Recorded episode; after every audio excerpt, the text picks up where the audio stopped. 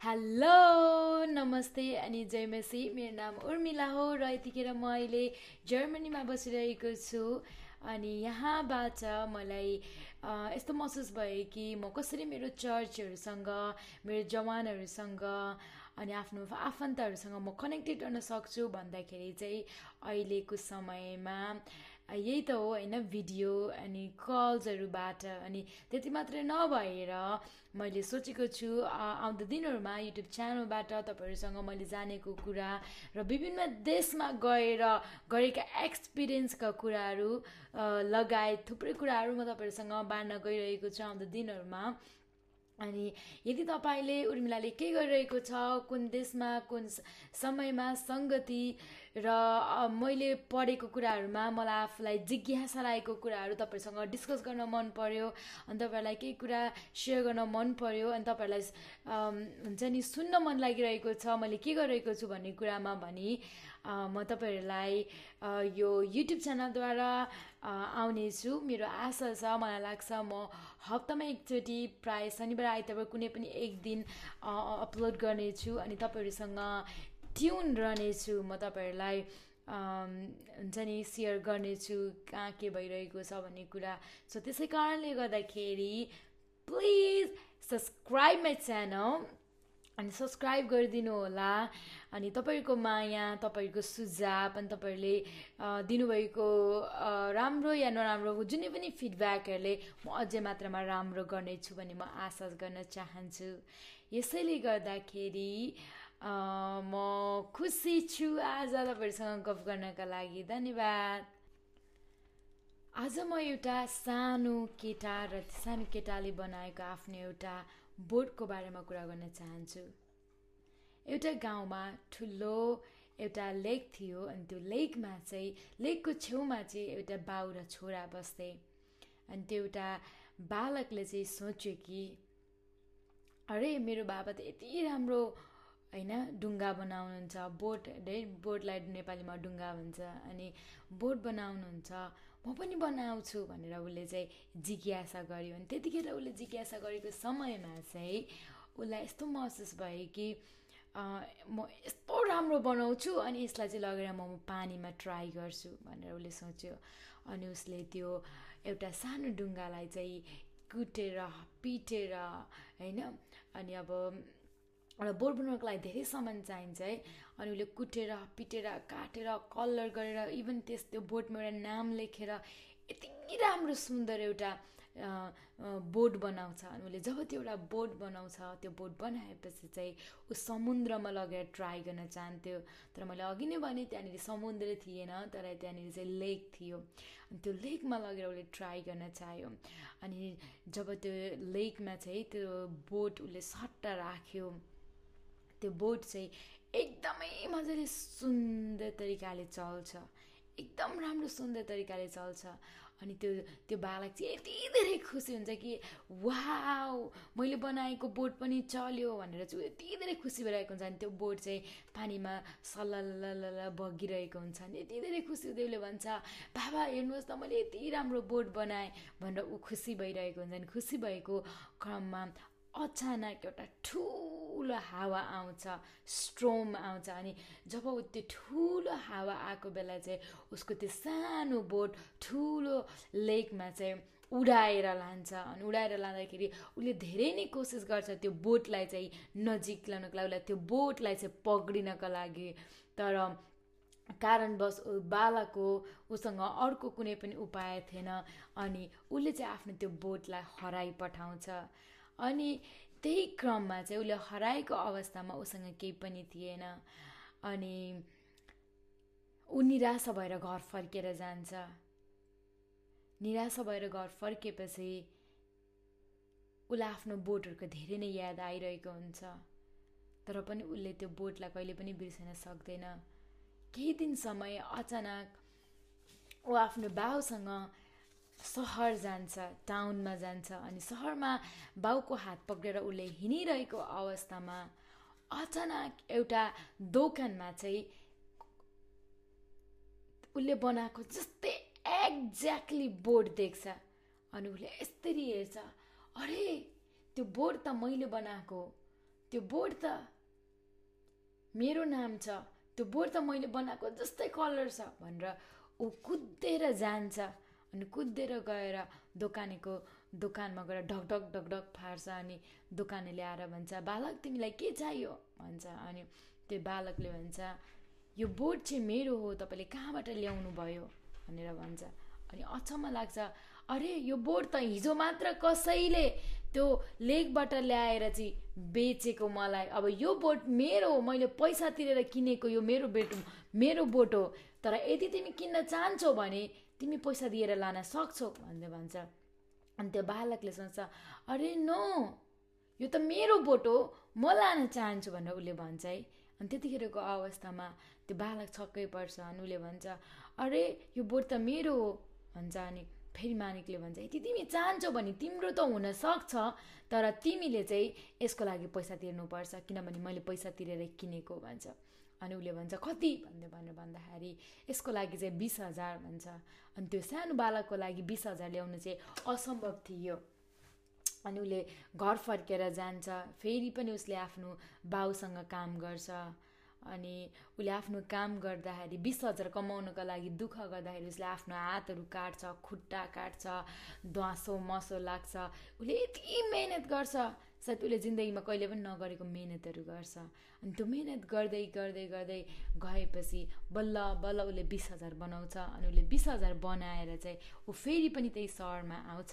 त्यो सहरमा आएर अनि उसले फेरि दोकानेलाई भन्छ ए दोकाने! भन्दै भन्छ। अन्तदेखि दोकानेले ठक्कसँगले दैलो उगाएर दिन्छ अनि उसले भन्छ ल हेर्नुहोस् मसँग अब बिस हजार छ। यो बिस हजार तपाईँलाई म दिन्छु र मेरो बोट दिनुहोस् मलाई भन्छ। अनि त्यहाँदेखि मालिक हाहा गरेर मजाले हाँस्छन् र ऊ छक्क पर्छन् अनि उसले थपक्कन त्यो बोर्ड झिकेर त्यो बालकलाई दिन्छ। अनि त्यतिखेर त्यो बालक चाहिँ यति धेरै खुसी हुन्छ यति धेरै खुसी हुन्छ र उसले त्यो बोटलाई चाहिँ उचालेर भन्छ ए बोट ए ढुङ्गा मैले तिमीलाई पहिला बनाएको थिएँ अब फेरि तिमी मेरो भइसकेको छ भनेर उसले भन्छ।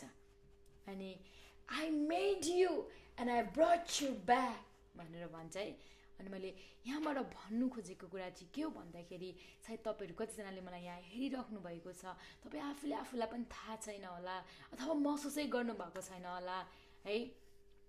तर म आज तपाईँलाई भन्न चाहन्छु महसुस गर्नुहोस् यो समय तपाईँको लागि छ। कहिले इमेजिन गर्नुभएको छ? हो तपाईँ आफ्नो आमा र बाबाबाट जन्मनु भयो तर तपाईँको आमाको गर्भमा आउनुभन्दा अगाडि नै परमेश्वरले तपाईँलाई बनाउनु भएको। अनि त्यो चाहिँ बाइबलले भन्छ आइजाएको पुस्तकले तिम आमाको गर्भमा आउनुभन्दा अघि नै उहाँले चाहिँ हामीलाई रच्नु भएको थियो।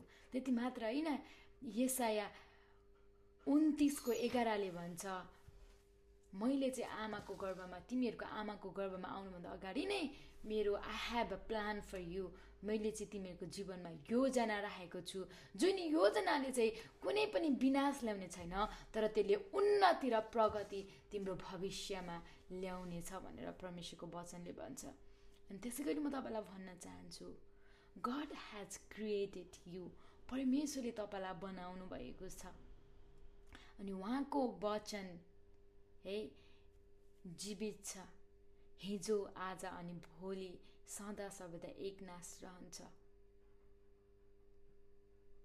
तपाईँलाई थाहा छैन होला तर इस्यु तपाईँको निम्ति तपाईँले गर्नुभएको भुल त्रुटि तपाईँले गर्नुभएको पाप तपाईँले गर्नुभएको मिस्टेक तपाईँले ढाँट्नु भएको कुरा तपाईँले गरेको हरेक अवस्थाको ढाक छोप र त्यसलाई मेटाउनको निम्ति उहाँ कलबरी क्रुसमा मर्नुभएको छ। किनभने परमेश्वरले चाहिँ तपाईँ र मलाई बनाउनु भएको थियो।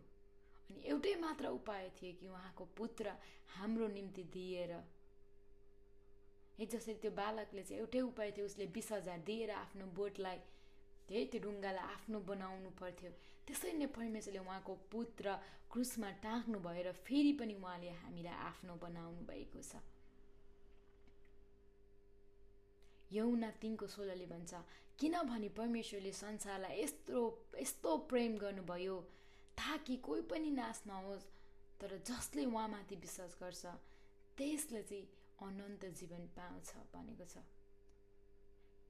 किनभने उहाँले हामीलाई प्रेम गर्नुभएको निम्ति उहाँको एकमात्र पुत्र हाम्रो निम्ति दिनुभएको छ। जसले उहाँमाथि विश्वास गर्छ त्यसले चाहिँ अनन्त जीवन पाउनेछ। अनि मैले तपाईँलाई यो संसारमा हुँदाको रहनेको जीवनको मात्र कुरा गरेको छुइनँ। यो चाहिँ अनन्त भनेको हामी मरिसकेपछि पाउने हाम्रो अनन्तको जीवनको बारेमा नि बोलिरहेको छु।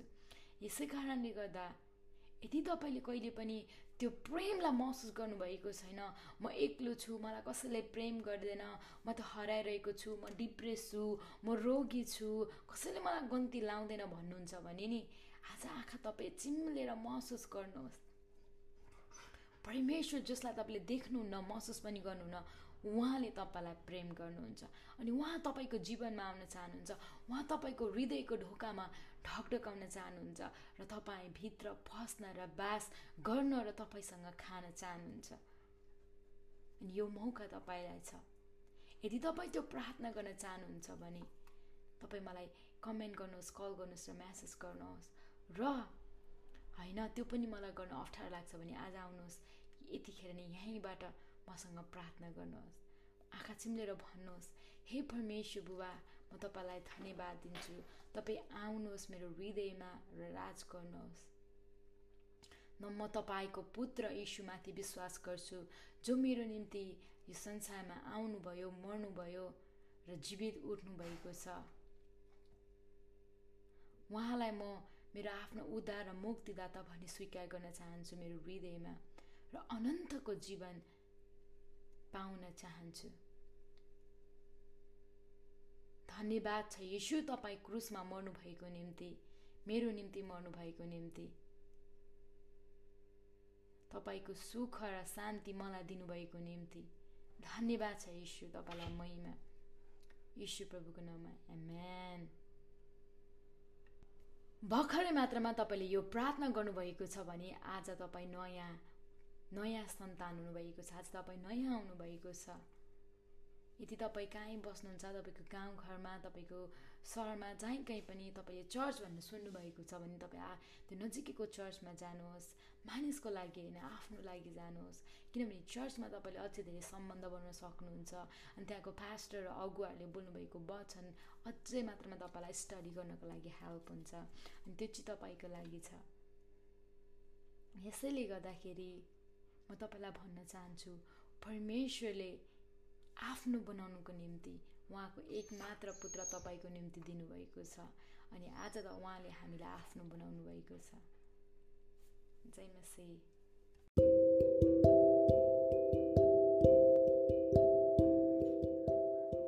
धेरै पटक मेरो साथीहरूले मलाई सोध्ने गर्छन् को तेरो परमेश्वर? अथवा उहाँको नेचर चाहिँ कस्तो छ त भनेर मलाई मेरो साथीहरूले सोधिरहेको हुन्छ नि त्यतिखेर मलाई एउटै प्रश्न आउँछ आई डोन्ट नो तपाईँहरूको परमेश्वर कस्तो हुनुहुन्छ तर मेरो परमेश्वर चाहिँ यस्तो हुनुहुन्छ कि सर्वव्यापी अथवा इन्डिपेन्डेन्ट हुनुहुन्छ। उहाँ चाहिँ आज स्वर्गीयमा रहनुहुने परमेश्वर पिता हुनुहुन्छ र उहाँ चाहिँ सबै देवहरूभन्दा पनि मालिक हुनुहुन्छ। अनि त्यो चाहिँ मैले म आफैले मात्रै भनेको होइन तर परमेश्वरको वचनले पनि भन्दछ। यदि तपाईँ बाइबलमा भजन सङ्ग्रह एक सौ पन्ध्रको तिनमा गएर तपाईँले हेर्नुभयो भने त्यहाँनिर तपाईँले पाउनुहुनेछ यसरी लेखिएको छ हाम्रो परमेश्वर स्वर्गमा आउनुहुन्छ उहाँले जे चाहनुहुन्छ त्यही गर्न गर्नुहुन्छ। र अर्को पनि वचनले म तपाईँलाई स्थापित गराउन चाहन्छु। प्रुभ गर्न चाहन्छु। त्यसमा चाहिँ के भनेर लेखिएको छ भने फेरि पनि भनसँग वान हन्ड्रेड थर्टी फाइभमा यसरी लेखिएको छ मलाई थाहा छ कि परमेश्वर मलाई थाहा छ कि परमप्रभु महान हुनुहुन्छ र हाम्रो प्रभु सबै देवहरूभन्दा महान हुनुहुन्छ। एमेन अनि त्यति मात्र होइन आज परमेश्वरको स्वरूप अथवा परमेश्वरको प्रकृति चाहिँ कस्तो छ भन्दाखेरि चाहिँ आज परमेश्वर चाहिँ ओम्नी पुटेन पनि हुनुहुन्छ। अनि यसलाई यो भनेको ओम्निपोटेन्ट भनेको चाहिँ के हो भन्दाखेरि चाहिँ अर्को एउटा भाषामा लेखिएको छ यो भनेको चाहिँ एल सदाई पनि भनिन्छ। त्यति मात्र होइन अनि फेरि तपाईँलाई यो एल सदाई भनेको के हो भनेर प्रश्न आउँछ भन्दा आयो भने चाहिँ म तपाईँलाई फेरि अर्को साधारण हिसाबमा बताउन चाहन्छु। एल सदाई भनेको चाहिँ अल सफिसियन्ट वान है? उहाँ चाहिँ एक नै काफी हुनुहुन्छ। अनि उहाँ एक नै सबै कुरा उहाँमा छ। अनि कसरी भनेर तपाईँ भन्नुहुन्छ भने आब्रामले भन्नुभएको छ यसरी लेखेको छ आब्राम आब्रामलाई परमेश्वरले भन्नुभएको छ I am God almighty भनेर उहाँले भन्नुभएको छ है। अनि उहाँले भन्नुभएको छ walk before me faithfully and be blameless है। जब आब्राम चाहिँ हतासिरहेको थिएँ त्यतिखेर परमेश्वरले भन्नुभएको छ म तेरो परमेश्वर हुँ। सर्वव्यापी परमेश्वर हुँ। म तेरो अगाडि हिँड्नेछु र तँ पनि एउटा विश्वासयोग्य भएर हिँड भनेर भन्नुभएको छ। अनि अर्को कुरा तपाईँलाई एउटा कुरा भन्न चाहन्छु फेरि पनि तपाईँमा के चाहिँ छ? आज परमेश्वरमा चाहिँ के छ भनेर तपाईँ प्रश्न गर्नुहुन्छ भने एउटा कुरा म तपाईँलाई भन्न चाहन्छु यहाँनिर अर्को कुरा लेखिएको छ परमेश्वर चाहिँ गड हि क्यानट लाई उहाँ चाहिँ कहिले पनि ढाँट्नु सक्नुहुन्न। प्रिय साथीहरू उहाँ चाहिँ कहिले पनि ढाँट्नु सक्नुहुन्न। हि अनेबल टु अनफेथफुलनेस है। उहाँ चाहिँ कहिले पनि अविश्वासयोग्य हुन सक्नुहुन्न। तर उहाँ चाहिँ जहिले पनि विश्वासयोग्य हुनुहुन्छ र उहाँ जहिले पनि सत्य बोल्नुहुन्छ। अनि तपाईँले अर्को परमेश्वरको चाहिँ प्राकृति अर्को परमेश्वरको द नेचर अफ गड अर्को कुरा चाहिँ के छ भनेखेरि ओम्नी प्रेजेन्ट है। अनि वाट इज मिन द्याट भन्दाखेरि चाहिँ God is internal everywhere and every when ever है? आज परमेश्वर चाहिँ कहाँ हुन्छ नि? जहीँ पनि तपाईँले र मैले देख्न सक्दैनौँ तर हामी महसुस गर्न सक्छौँ। म चाहिँ जहीँ पनि तपाईँ जहीँ जानुभए पनि परमेश्वर चाहिँ आज हाम्रो साथमा हुनुहुन्छ। चाहे तपाईँको विगतको दिन होस् चाहे तपाईँको अहिले प्रेजेन्टमा होस् चाहे तपाईँको फ्युचर्समा होस्। नो टेन्सन है? परमेश्वर चाहिँ उहाँले आफैलाई चाहिँ यसरी यसरी प्रकट गर्नुहुन्छ कि हामी जहीँ गए तापनि उहाँ हाम्रो साथमा हुनुहुन्छ। अनि अर्को कुरा चाहिँ फेरि तिनमा म के भन्न चाहन्छु भन्दाखेरि चाहिँ आज परमेश्वर को हो भन्दाखेरि चाहिँ ओम्निसेन्ट भन्छ है। अनि त्यो भनेको चाहिँ के हो भन्दाखेरि great is our lord and mighty is a power his understanding has no limit his understanding has no limit भजन सङ्ग्रह one hundred thirty one hundred forty सेभेनको फाइभले भन्छ। म तपाईँलाई यहाँ पढेर देखाइदिन्छु। यसरी लेखिएको छ वान हन्ड्रेड फोर्टी सेभेनको वान हन्ड्रेड फोर्टी सेभेनको फाइभमा यसरी लेखिएको छ हाम्रो परमप्रभु महान हुनुहुन्छ सर्व शक्तिमान र सर्वज्ञानी हुनुहुन्छ। मैले भने नि मैले मात्रै सोचेर ओ our God is our God is a great मात्रै मैले भनेको छुइनँ किन? बाइबलको वचनले भन्छ कि उहाँ चाहिँ सर्वव्यापी र सर्वज्ञानी परमेश्वर हुनुहुन्छ। अनि अनि अर्को कुरा तपाईँले पहिलो यहुना तिनको बिचमा पनि पढ्न सक्नुहुन्छ। God knows everything we can never hide anything from him है तपाईँले पहिलो यौनामा पनि तपाईँले यो कुरालाई पढ्न सक्नुहुन्छ। अनि म तपाईँलाई यो पहिलो यौना तिनको बिचमा पनि पढेर तपाईँलाई म सुनाइदिनेछु है त। जब हाम्रो हृदयले हामीलाई दोष दिन्छ हामी जान्दछौँ परमेश्वर हाम्रो हृदयभन्दा महान हुनुहुन्छ र उहाँले सब कुरा जान्नुहुन्छ। एमेन सी तपाईँले यहाँ देख्नुभयो नि जब है हाम्रो हाम्रो हृदयले हामीलाई दोष दिन्छ। हामी जान्दछौँ परमेश्वर हाम्रो हृदयमा हाम्रो हृदयभन्दा महान हुनुहुन्छ र उहाँले सब कुरा जान्नुहुन्छ। यति सरल भाषामा छ कि मैले तपाईँलाई धेरै व्याख्या गर्नु नै पर्दैन। अनि त्यति मात्रै होइन परमेश्वरले चाहिँ आफूले आफूलाई कसरी प्रुभ गर्नुभएको छ भन्दाखेरि चाहिँ उहाँले आफूलाई चाहिँ त्रिनेटीमा पनि आज के भन्छ प्रकट गर्नुभएको छ। So many people have a question अरे परमेश्वर भनेको त एक होइन वाट इज मिन त्रिनेटी अथवा how it is possible to be in a trinity भनेर तपाईँले सोचिराख्नु भएको छ भने चाहिँ त्रिनेटी भनेको चाहिँ God as a trinity is not a God in three है? परमेश्वर चाहिँ कहिले पनि तिनवटा परमेश्वर हुन्न तर तिन प्रकारको भएर एक एग्रिमेन्ट गर्नुहुने पर्मिसन हुन्छ. So one God three person or three person होइन वान गड है अनि एउटै कुरामा मात्रै अनि के भन्नुहुन्छ one each of this person through distance remain as one भनेर भनिएको छ है। अनि कसरी भन्नुपर्दाखेरि चाहिँ डिटर्मनी डिटर्नमी सिक्सको व्यवस्था छको चारदेखि पाँच पनि तपाईँले पढ्न सक्नुहुन्छ। किनभने परमेश्वर चाहिँ हाम्रो द लोड इज आवर गाड है? परमेश्वर नै हाम्रो परमेश्वर परमप्रभु नै हाम्रो परमेश्वर हुनुहुन्छ।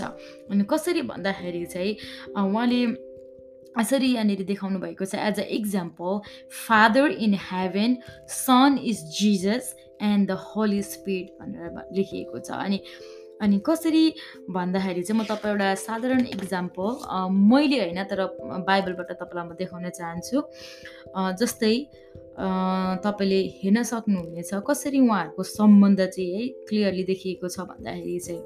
अ तपाईँले जेनिसीमा उत्पत्तिको एकको ट्वेन्टी सिक्समा पनि हेर्न सक्नुहुन्छ त्यहाँनिर father decree son command and holy spirit acquisition भनेर लेखेको छ है। त्यति मात्र होइन ट्रिनेटी एट जिजस ब्याप्तिजम है।